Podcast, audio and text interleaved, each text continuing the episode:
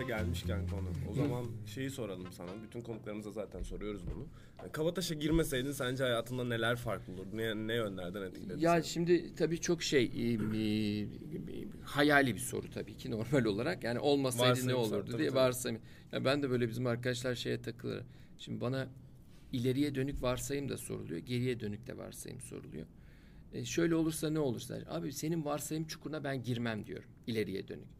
Onun şöyle olacağını düşünüyor. Ona göre de bana soru soruyor. Ya ileride böyle olursa ne olacak? Abi bu senin saçma sapan bir ön, öngörün değil bu. Varsaydın, farz misal ettiğin bir konu diyor. Şimdi geriye dönük de tabii şöyle kattıkları tarafından söyleyeyim. Ben özel okulu, özel semen lisesinde okudum Kocaeli'nde bir hafta sonu bir gazete gördüm. Kabataş Erkek Lisesi diyor bir tane okul böyle deniz kenarında. Annemi çağırdı dedim ki anne dedim, ben bu okula gideceğim dedim. Oğlum gene manyak manyak işler çıkartıyorsun. Nereden çıktı diyor. Ne güzel okulum var. Yok anne dedim ben bu okula gideceğim dedim. Ne alakası yani? Ondan sonra Manzarasından mı ya bilmiyorum yani o bir histir yani. Bazen hissini takip edecek. Biraz Ben- kelebek gibi abi yani. Evet. Evet, evet, Orada kesinlikle. konmuş bir şey. Ben giriverdim öyle okula. Yani bu bir şeydi. O okula girmeseydim başka okula gelmem ama tabii ne kattı? Yani bir kere e, İstanbul. Onun dışında acayip hocalarla karşılaştım. Yani normal olmayan hocalarla. E, İsmet Hoca matematik öğretmeniydi. Mesela dehşetti yani hala hikayelerini anlattığım bir adamdır. E, Polat abi de bahsetmişti Evet, bu evet. arada. ismini Evet. hatırlayamamış. İsmet Aynen. Yıldırım, İsmet Hoca inanılmazdır yani. Böyle bir matematikçi görmedim ben hayatımda yani. Teknik olarak da inanılmaz. Bir de sırf matematik konuşmazdı. 20 dakika dersi bırakır hala hayatla ilgili konuşur. Evet. Ve e, zor bir reputasyonu vardı okulda da. Yani sınavından geçemezsin bir daha.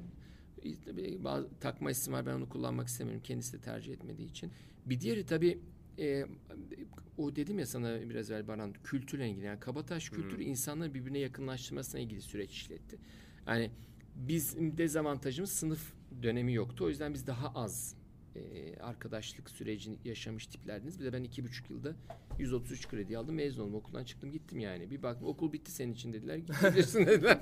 Ondan sonra yani e, orada da e, şey e, yani hani biz daha sıkı sıkı ilişkiler kuramadık ama 5 beş, beş sene okumak isterdim yani o zaman daha farklı sınıf ortamı falan daha farklı olabilirdi. O e, kabataş arkadaşlık, deneyim ondan sonra o kültürün yansıması bir, bir dönem müdür mavini şey müdür beyle e, konuşuyoruz. Sercan Bey bizim okulu arayanlar titreyerek benimle konuşuyor. Kabataş Erkek Lisesi'nin müdürüyüm diye diyordu. Yani hakikaten böyle bir ağırlık hikayesi var. Yani neden titrediğini bilmiyorum. Ben titremezdim de. Ondan sonra yani şey e, böyle bir ağırlığı var tabii yani. Abi e, Polat aslında- abi de aynı şeyi söyle. söylemişti. Aynen. Keşke daha çok sınıf kavramı olsaydı hayatımızda. Aynen dönemde daha fazla etkileşimde bulunmak Evet, isterdim evet. demişti yanındaki öğrenciler. Ee, şeyi soralım. Kabataş mevzusu açılmışken. 94 yılına geri döndük diyelim. hı. Ee, bu arada 94 gerçekten o kadar fazla mezun ağırladık ki Evet, sürekli evet. 94 Enteresan yılına bir geri durum ve dönüyoruz. tamamıyla aslında Evet tamamen tesadüfen. Soruyu daha düzgün sormaya çalışayım. Ee, 94 yılına geri dönüyoruz. İ- 2021'deki Sercan 1994'teki Sercan'la karşılaşıyor. İlk önce şunu soralım. Ee, 2021'deki Sercan 94 yılındakine ne söylüyor? Evet. Ya bir kere oğlum şey vardı. İşte bu saç yönden dezavantajlı bir bireyim ya. Kesinlikle kesinlikle Abi ilk bunu mu söylerdin gerçekten? Abi yok yok hayır yani saçlarım döküldüğü için söylüyorum yani oğlum rasta yaptır derdim yani kesinlikle yani kesin böyle o yani bence çok temel bir şey yani kesin rasta yaptırırdım yani yüzde yüz yani. Rasta Kesin. neden? Ya böyle abi saç gitti şu anda yapamıyoruz ki yani bitti o mevzu. Fırsat kaçtı. yani. Çünkü bu, bu belki de çok temel bir şey. Ee, hayatımızın belli döneminde bir iki kere olabilecek mevzular var yani. Yani ben kaç kere rasta yaptırabilirdim ki? O yüzden hani bundan ilgili tuhaf deneyim var. İnternette de yazmışlar. Yıllar önce Mısır'a gittiğimde piramitleri göreceğim. Bir indim arabadan piramitler simsiyah oldu. Kar, ışıklandırmışlar gece 9.30 karanlık oldu. Ondan sonra ben de şey karanlık olunca tuvaletim de gelmiş. Erkekler biliyorsunuz ayakta işeyebilir. Orada iş, aa bir baktım ışıklar yandı. Burada deve sahipleri, bedeviler, ben öyle bir e, garip bir sahnede bir araya geldik falan. Adam da yanıma geliyor. Dedim eyvah eyvah şimdi laf edecekler bize. Sonra komik bir an. Sonra adam dedi ki dedi içeri girmek ister misin? İçeri dedim bu saatte nasıl gireceğiz? Dedi burası Mısır dedi. Hiçbir sorun yok. Girersin dedi. Hatta yani karanlık zaten içerisi dedi. Gece gündüz aynı dedi içeride dedi. Biz dedi 3-5 kuruş vereceğiz dedi. Gireceksiniz dedi. Müdüre sordum. Müdür dedi ki ya dedi sen manyak mısın? Girilir mi zaten hep manyak mısın sorusu. Ömür boyu çektiğim soru. Ondan sonra adama döndüm dedim ki bak dedim müdür izin vermiyor ama dedi, ben de tekrar geleceğim seni bulacağım ve ben seninle şey piramitlere gireceğim dedim. Ee, adam bana dedi ki çok güzel bir ders. İngilizce söyledi bir de aksan da ilginçti. E, Listen to me my friend. E, today is today. Tomorrow I don't know. Allah'ım Çok kardeşim ya. Abi bu kadar da sokulmaz ki bir insana ayaküstü yani. Abi girdin mi sonra piramitlerin Yok içine? yani hayır daha hala girmiştim Evet. yok. Girecek misin peki? Ya girici yani şey öyle bir hayalim var. Yani var tabii yani böyle bir tutku düzeyinde var da ama yani o anda fırsat kaçtı. O yüzden ben Rasta fırsatı kaçtı. Sonra hani şimdi bir yandan notlarıma baktım. Kaçırmaman gereken fırsatları söyleyeceksin. Evet ya ka- kaçma yani abi bırakmayacak hayat ertelemeye gelmiyor. O kadar eks- e, geniş bir zaman aralığında yaşamıyoruz arkadaş ya. Evet. Ya Evet, böyle evet. bin yıl yaşayacak tipler değiliz. Yani fırsat geldi mi atlayacaksın üstüne değerlendireceksin. Yani şeyi derdim yani duymadığın yerlere git. San Francisco sokakları vardı bizim zamanımızda. Çok güzel polisiye dizide. Takılmışım yani gideceğim San Francisco'ya. Gittim abi pandemi döneminden önce Mart ayında geçen ay San Francisco'ya gittim yani. Çünkü çok tutkuluyum. Gideceğim, gideceğim, gideceğim yani. İnadım inat, kıçım kırk kanat. Yani o yüzden işte duymadığın yerlere git, olmadık yerlerde bulun derdim yani o çocuğa. Ondan sonra yapılmayan işlere bak. Yani tekrar konusu değil. Şimdi bana soruyorlar. "Ee, Sercan abi işte bilgisayar mühendisi mi yazılım, yazılım sektörü mü? Abi o tren kaçtı arkadaş. O tren kaçtı. Uzaya bak mesela yani. Yani yazılım mühendisi. O biçim önünde dört yıl daha var. Orada da mezun olacaklar. Herkes işte kodlama. O baş, başka bir tarafa da. Yani yeni yani gene comfort zone'dasın. Gene rahatlık alanındasın yani. Ondan sonra eee Bence bir de yani sevdiğin insanlara onları sevdiğini söyle. Bu mevzu da çok kritik. Yani o paylaşımları yapmak gerek. Ee, yani bir dönem gene işte aile baskısı ya da dediğim bir uygunsuz mu düşer. Ondan sonra ha birinden hoşlanıyorsun. Söyle. Yani birinden mutlu mu oldun? Onu da paylaş. Yani bunları bunları daha erken yapmayı isterdim. Yani şu anda bile halen bazen takılıyorum. Ama o yaşlarda bunları daha sert yani daha net ve içten paylaşmış olsaydım daha farklı bir e, duysal alana girebilirdim yani. O yaşlarda insan daha kırılgan olabiliyor tabii ama. Evet oluyor. Evet. Galiba oluyor yani. Evet. Keşke o yaşlarda öyle olabilsek ama Hı. anlıyorum onları da. yani. Peki e, Kabataş'ta böyle bir gününü bize çok rutinli basit bir şekilde tarif eder misin aklına kalan imgelerle? Evet ya rutin ya şöyle bir şey e, şu vardı. Mesela çokça sıra mevzusunu hatırlıyorum. Ondan sonra sürekli bir yemekhane sırası. Allah'ım ya Rabbim yani böyle bir kabus gibiydi. Yani o- onu onu yani e, yemekler çok iyi değildi ama yani o sıra e, deli olacağım bir şeydi. Bir diğeri disiplin yani bu e, etüt abileri var tabii ben yatılıydım 6 ay boyunca bir daha da hayatta hiçbir yerde yatılı olmadım yani ilk ve son 6 aylık yatılı deneyim. E, Yatakhanede bir hiyerarşi var bizde. Bence yatılılık sürecinde çok ciddi anlamda akran zorbalığı var. Bu sadece Kabataş için değil yani. Birçok okulda var bu. Çünkü üst sınıf, alt sınıf, bu askerlikte de var yani. Ya bu akran zorbalığı ya da e, şey yaş zorbalığı ya da görev zorbalığı. Hep göreceksiniz bunu. İşte mobbing diyorlar, adı değişiyor. Bullying diyorlar, mobbing diyorlar. Bu var. Disiplinle zorbalık bazen karışıyor. Yani sıra size de gelecek, siz de yapacaksınız falan. Bunu bizim okul için söylemiyorum yani. Bu genel bir şey var, sıkıntı var.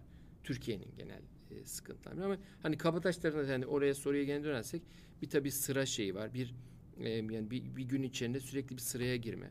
Sonra bir de, yani e, zil çalınca yani kimse böyle derse geç kalmak istemiyor. Abi geç kalmayalım. Her şey girmeyelim. İşte aman abi hocalar bir şey der. Böyle aşırı bir saygılı bir durum vardı. Yani bir öğrencinin zilden sonra sınıfa girmesi falan yok arkadaş. Böyle bir şey yok yani. Bu nedir? Tabii yani? size de soru işaretleri geliyordu. Neden? Neden ki? Neden? evet yani evet gençler neden ki olabilir ve geç kalmış olabilirsin.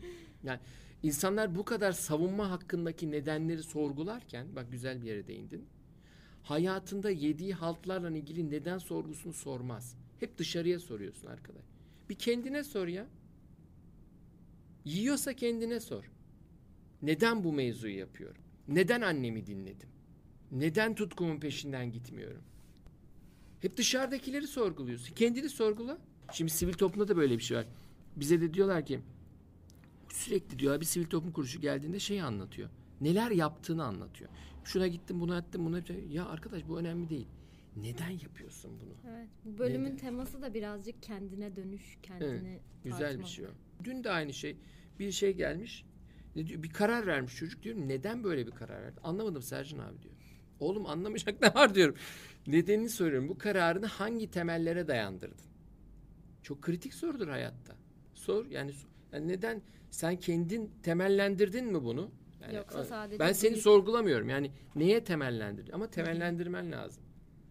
Kesinlikle. Bir de abi otopilotta yaşamak Çok. en kolay şey ya. E tabii. Ve çok hızlı geçiyor. Farkına bile varmıyorsun Aynen mesela ya. Kabataş gibi bir okuldaysan özellikle etrafın çok zeki insanlarla çevriliyse otopilotta o kadar rahat yaşarsın Çok. ki. Birisi onu der uygularsın. Bir, birinden onu duyarsın okey dersin onu Evet. yaparsın. O onu istiyormuş diye sen de onu istersin. Bir şekilde kendini bulursun bir yerde. Hı. Çok kolay bir şey. Ya zaten kağıt üstünde etrafındaki insanların istediği şeyler de gayet makul görünüyor Evet ya. evet çok makul. Yani. Bir de kahkaha vardı onu da söyleyeyim. Yani biz çok gülerdik yani. Abi Şimdi- benim için mesela şey çok enteresan oluyor yani insanların böyle genelde çok söylediği klişe şeyler vardır ya lisedesindir. Ha- Hakikaten lisedeyken çoğu insan orada olmaktan memnun değil yani. Ve insanlar da etrafında biraz daha büyük olanların bu dönemlerin değerini bil der sana. Evet. Sen de sonra mezun olduktan bir Özellikle süre sonra oraya gelirsin. Evet. Beni şey çok şaşırtıyor mesela. Çoğu zaman gerçekten oraya geliyorum yani ama o konumdayken lisedeyken geleceğime ihtimal bile Verme. vermiyorum. Şimdi yani. şimdi şu, şu şundan sıkıntı oluyor. Söyleyen insan diyor ki değerini bil diyor. Tamam bu bir emir kipi. İnsan böyle çalışmaz abi. Doğru. Böyle çalışmıyor. Yani insan emirle çalışanlar kölelerdir. Tamam mı? Yani zamanda ama insan bünyesi buna insan duygularıyla çalışır.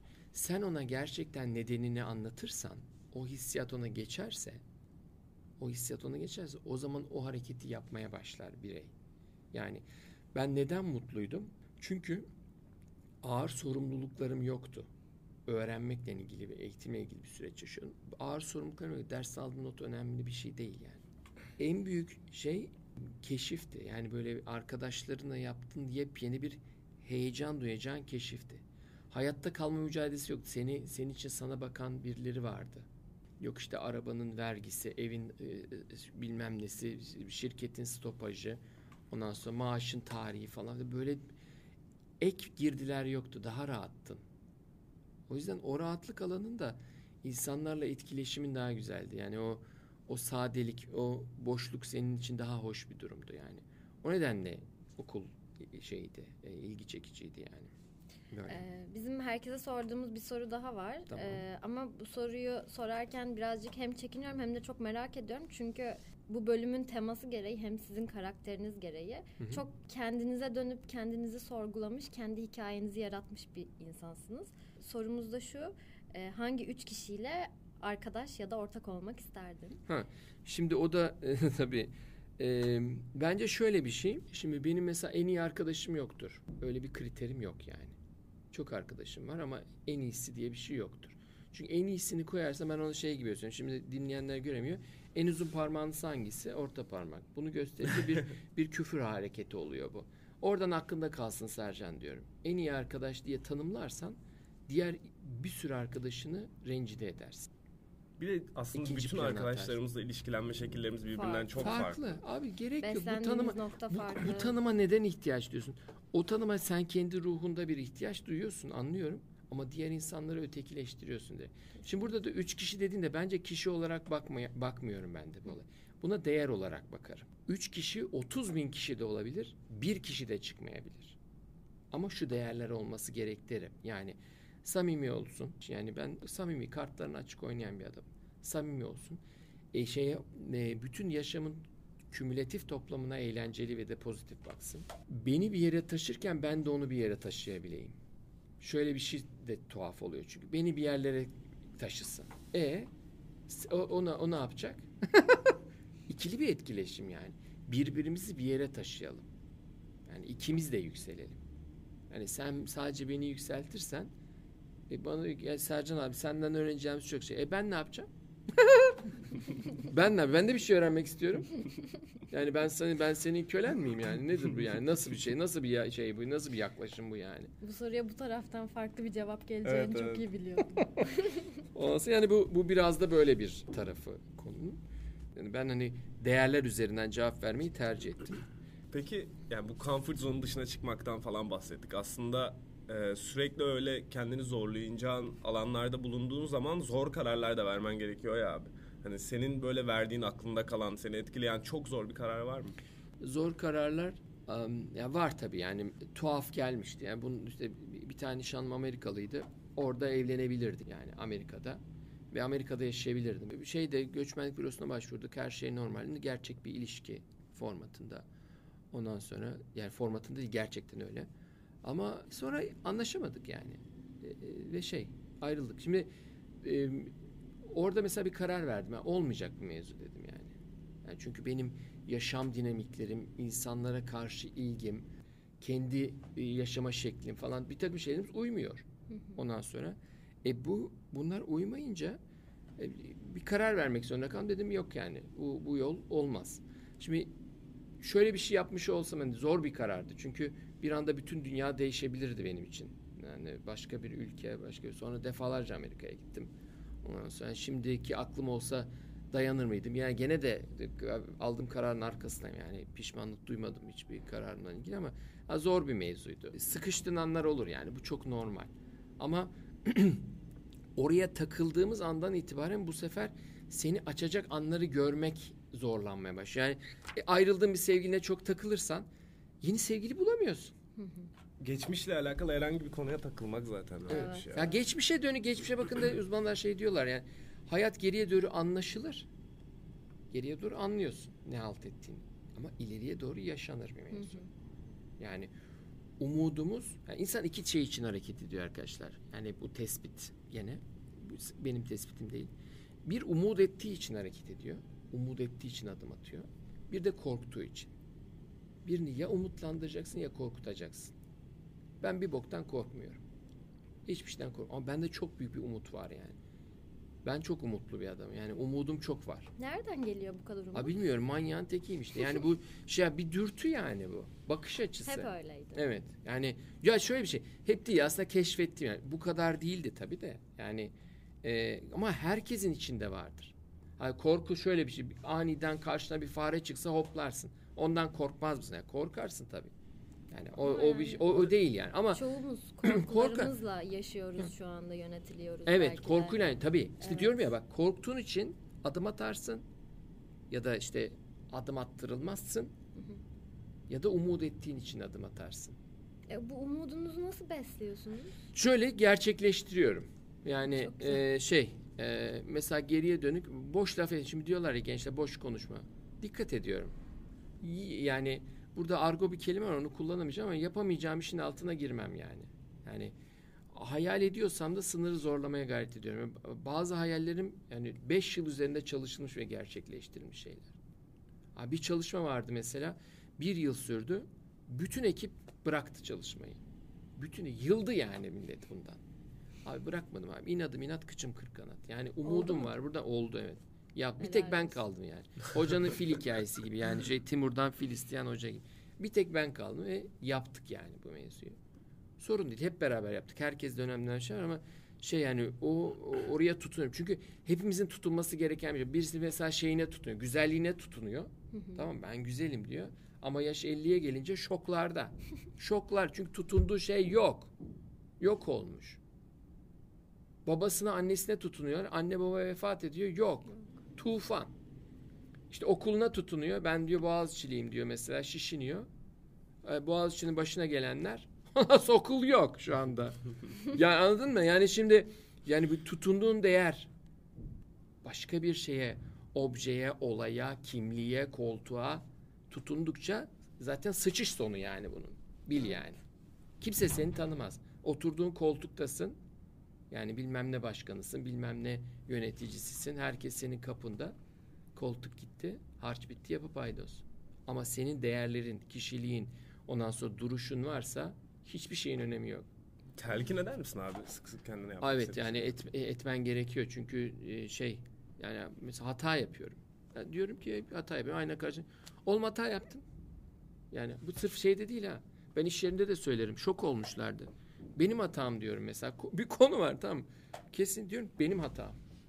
Aa millet hiçbir şey diyemiyor. Çünkü diyor ki herif baştan benim hatam diyorum. Ama şimdi şunu şunu şöyle şöyle yapıp böyle yapacağım diyorum. Hı hı. Çözüm yolu buluyorum. Ya da diyorum ki Şimdi hep birlikte şöyle yapmalıyız diyorum. Benim hatam diyen insan şunu da diyebiliyor. Bizim başarımız diyebiliyor. Sürekli benim başarım, bizim başarımız diyen bir adamı dinlemiyorlar. Ama biri benim hatam derse yani kendi eksiğinde tanımlayan bir insanı daha samimi dinler insanlar.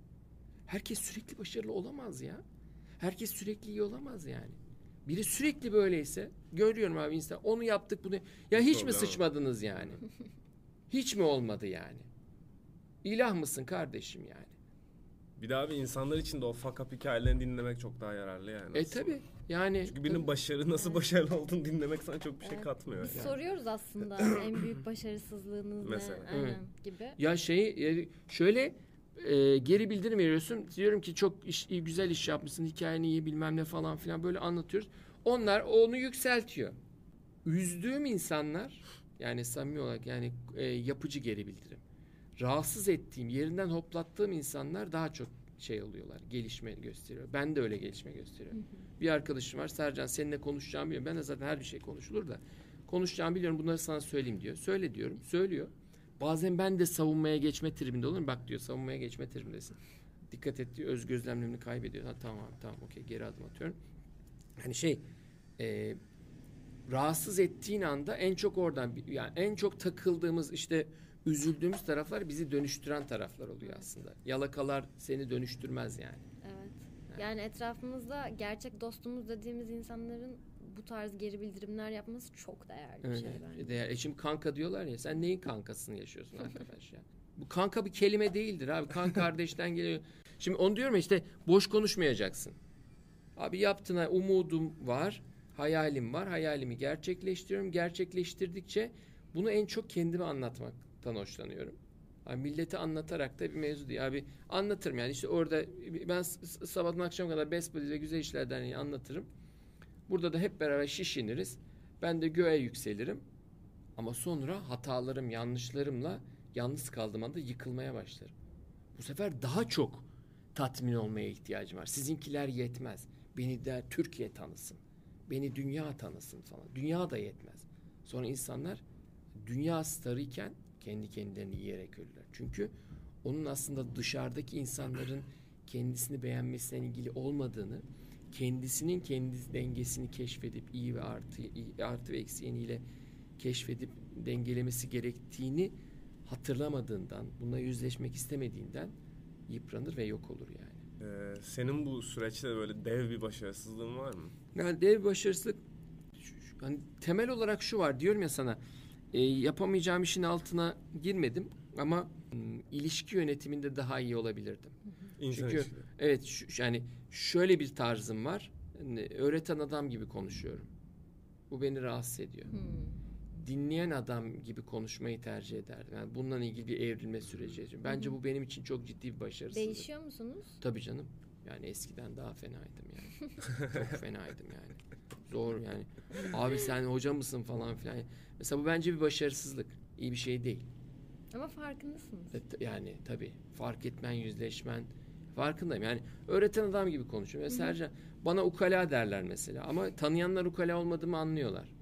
Çünkü ona faydalı olabilecek şeyleri açma gayretindeyim. Fakat konuşurken öğreten adam gibi konuşuyorum. O iyi değil. Çünkü insan onu almıyor yani.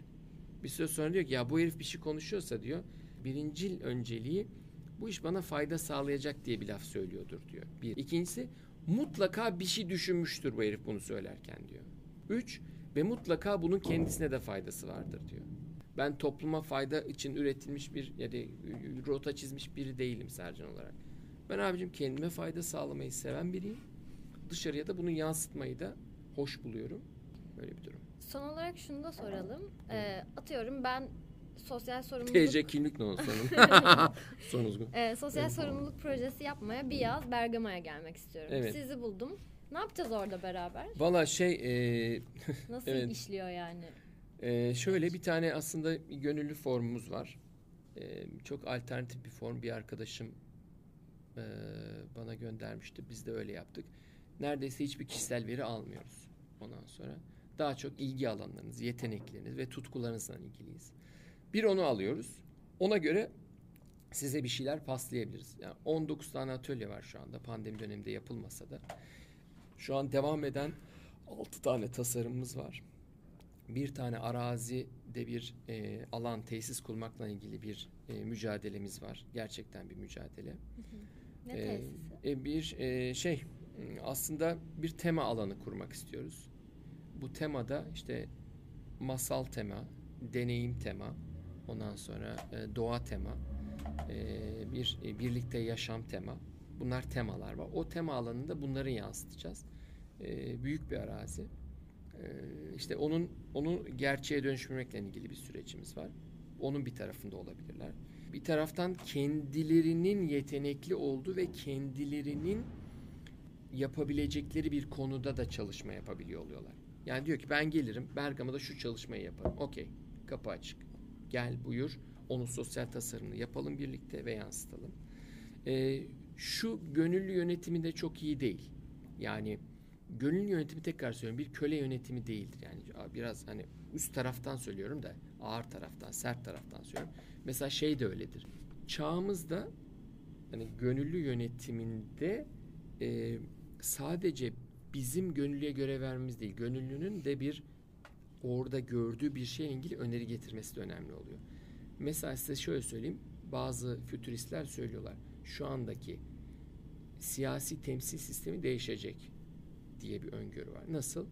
Biz şu anda bizi yönetecek kişileri seçip bir yere oturtup karar aldırıyoruz. Sonra aldıkları karara muhalifiz ama 3 yıl, 5 yıl, 10 yıl bu kararlara müdahil olamıyorsunuz.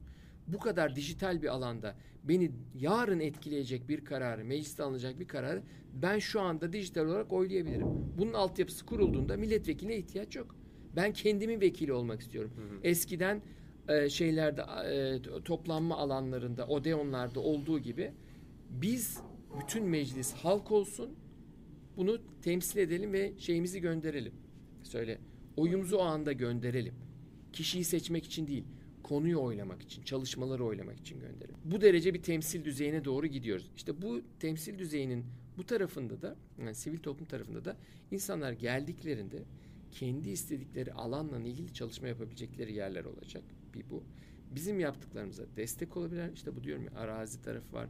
Bir e, Bergama yol geçen hanı var. Bahman House var. Bunlar sürekli dinamik şeyler. Şimdi yeni bir e, şey daha geliyor. Yani e, alan daha geliyor. İki tane dükkan ve bir tane daha konaklama alanı.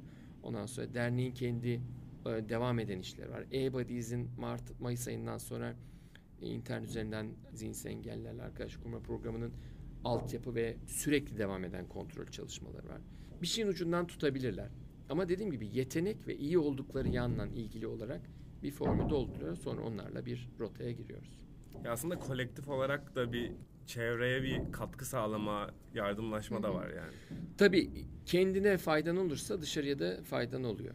Yani bu bu sivil toplumun sosyal etkisi yani başka sivil toplum kuruluşuna da etki ediyor. Başka bireye de etki ediyor, başka topluluğa da etki ediyor. Ediyor da ediyor. Özellikle sizin kuruluşunuzda yan yana olmak, birebir iletişim kurmak çok önemli. Evet. E, bu süreçte nasıl oluyor? Ya Yani burada biz musunuz? şöyle biz e, şu anda atölye yapamıyoruz. Ondan sonra çünkü yüzde bütün atölyelerimiz ama arka planda birçok şey protokol yaptık. işbirliği protokolü. E, bunun ötesinde tasarım yaptık. Yani pandemiden sonra hareket edebilecek tasarımları yaptık. Ben daha fazla çalıştım yani pandemi döneminde. Öbür zamanlar daha rahattım yani. Ee, Biz herhalde bütün sorularımızı sorduk. biz Evet. sorduk. Sizin bize sorunuz var mı? Eklemek Ee, istediğin herhangi bir şey var mı? Valla şöyle bir şey, bir tane notum e, e, şey, e, şunu söyleyebilirim. Tabii hani yarınlarda kayıt olarak kalsın diye bir şey söyleyeceğim. Bir tanesi sakızla ilgili. Sakız olmuş laflarla çok karşıma gelen insanlar oluyor. Kariyer tarafında. Yani nasıl bir kariyer planınız var çocuklar? İşte nasıl para kazanacaksınız? Bir e, ne, ne tür bir işe girmek istiyorsun? Yani sakız kelimelerle ilgili değişimlere açık olmak çok değerli ve herkesin kullandığı laflar bilin ki sizi herkes yapar. Öznel olmak istiyorsanız herkesin kullanmadığı laflarla ve yapmadığı hikayelerle yaşamı sürdürmek değişik. Ee, bir diğer taraftan ben şu anda 44 yaşındayım. Evet bugün şu anda İstanbul'dayız. Böyle bir e, fırsat oldu. Belki de hani podcast'in e, çağımızda ileriki dönemlerde radyo dinleyen bir nesilden geliyorum. sesli kaydı çok daha önemli olacak. Çünkü insanlar daha özgür dinleyebilecekleri bir alan. Ee, bir diğer taraftan hani benim görsel kaygım yok ama görsel kaygısı olan e, bir durum yani eğer bir YouTube'sa ya da bir şeyse bunları yani olmaması senin görsel kaygın yok diye yaptığın çalışmanın görsel kaygısı olmayacak diye bir şey yok. Bugün birçok yönetmenin fotoğraf gibi film kareleri var. Görsel bir kaygıdır yani bir estetiktir. Ama ses bugün biliyorsunuz çok titizlendik. Kaliteli Evet. cihazlarla bir stüdyoda bu kaydı yapıyoruz. Ondan sonra em, bu e, hayatımızda yapmış olduğumuz işte günlük tutma gibi bugün yapmış olduğumuz kayıtta belki de ileriki yıllarda bizim için çok e, büyük e, hikayelerin e, sonrasında kendimizi anlamak için e, bir alan evet. yaratacak. Yani senin için, Kesinlikle. benim için ya da hiç karşılaşamayacağımız, şu anda belki de sizi hiç görmeyeceğimiz arkadaşlar bu yayın dinleyenleri belki de ne Sercan'ı ne Gülşah'ı ne Baran'ı hiç görmeyeceksiniz ama buradan bir kelime sizi bambaşka bir yere götürecek. Buna imkan verin yani. Buna Süper. buna hayatınızda alan yaratın. Çünkü böyle bir dünyada değiliz. Yani hepimiz herkesle her dakika karşılaşmayabilir. Ama burada söylediğimiz her şey gerçekti. Ee, bu gerçeklerin ışığında bir şeyler yansımaya çalıştı. Gene rotayla ilgili de yani bugün sizin kelli felli olarak yaptığınız benim kendi hayatımla ilgili yaptığım şeyler aslında sizin bir yansı ile başka alanlardaki insanlara ya da olaylara etki etmenizi etmenizle ilgili bir amacın sonucu. E, benim de zaten hayat duruşumun bir sonucu olarak burada konuşuyoruz. Umuyorum e, iyi bir e, şey e, süreç işler. E, sadece şey olsun diye kayıtta bulunsun diye belki de sonra unuturum. Ama gürültü oldu. Şey e, okul numaramı da ve şeyimi de söyleyeyim. Ben Kabataş Erkek Lisesi'ne 94 yılı mezunlarından 3416 oğlu Sercan Duygan İstanbul'dan e, size sevgiler diliyorum. Teşekkür ediyorum. Çok teşekkür Çok ederiz. teşekkürler abi ya. Çok Harika tatlı bir sohbet. Ama okul numaranın şifrelerinde falan kullandıysan abi. Yok onu kullanmıyorum. tamam. Yok abi şey e, matematikçiyiz o şeylere dikkat ediyoruz merak etme. Yok, yakalayamazlar şifremi bulmak zor. Çok keyifli bir sohbetti. Mükemmeldi. Çok teşekkür ederiz. Hakikaten Muazzamdı farklı abi. bir bakış açısıyla yorumlamış olduk Kabataş'ı da zaten her seferinde hani dinleyenlere de umarım çok büyük katkısı olur da bize de çok büyük katkısı oluyor. En sevdiğimiz taraflarından biri de o yani. Eyvallah. Çok teşekkürler.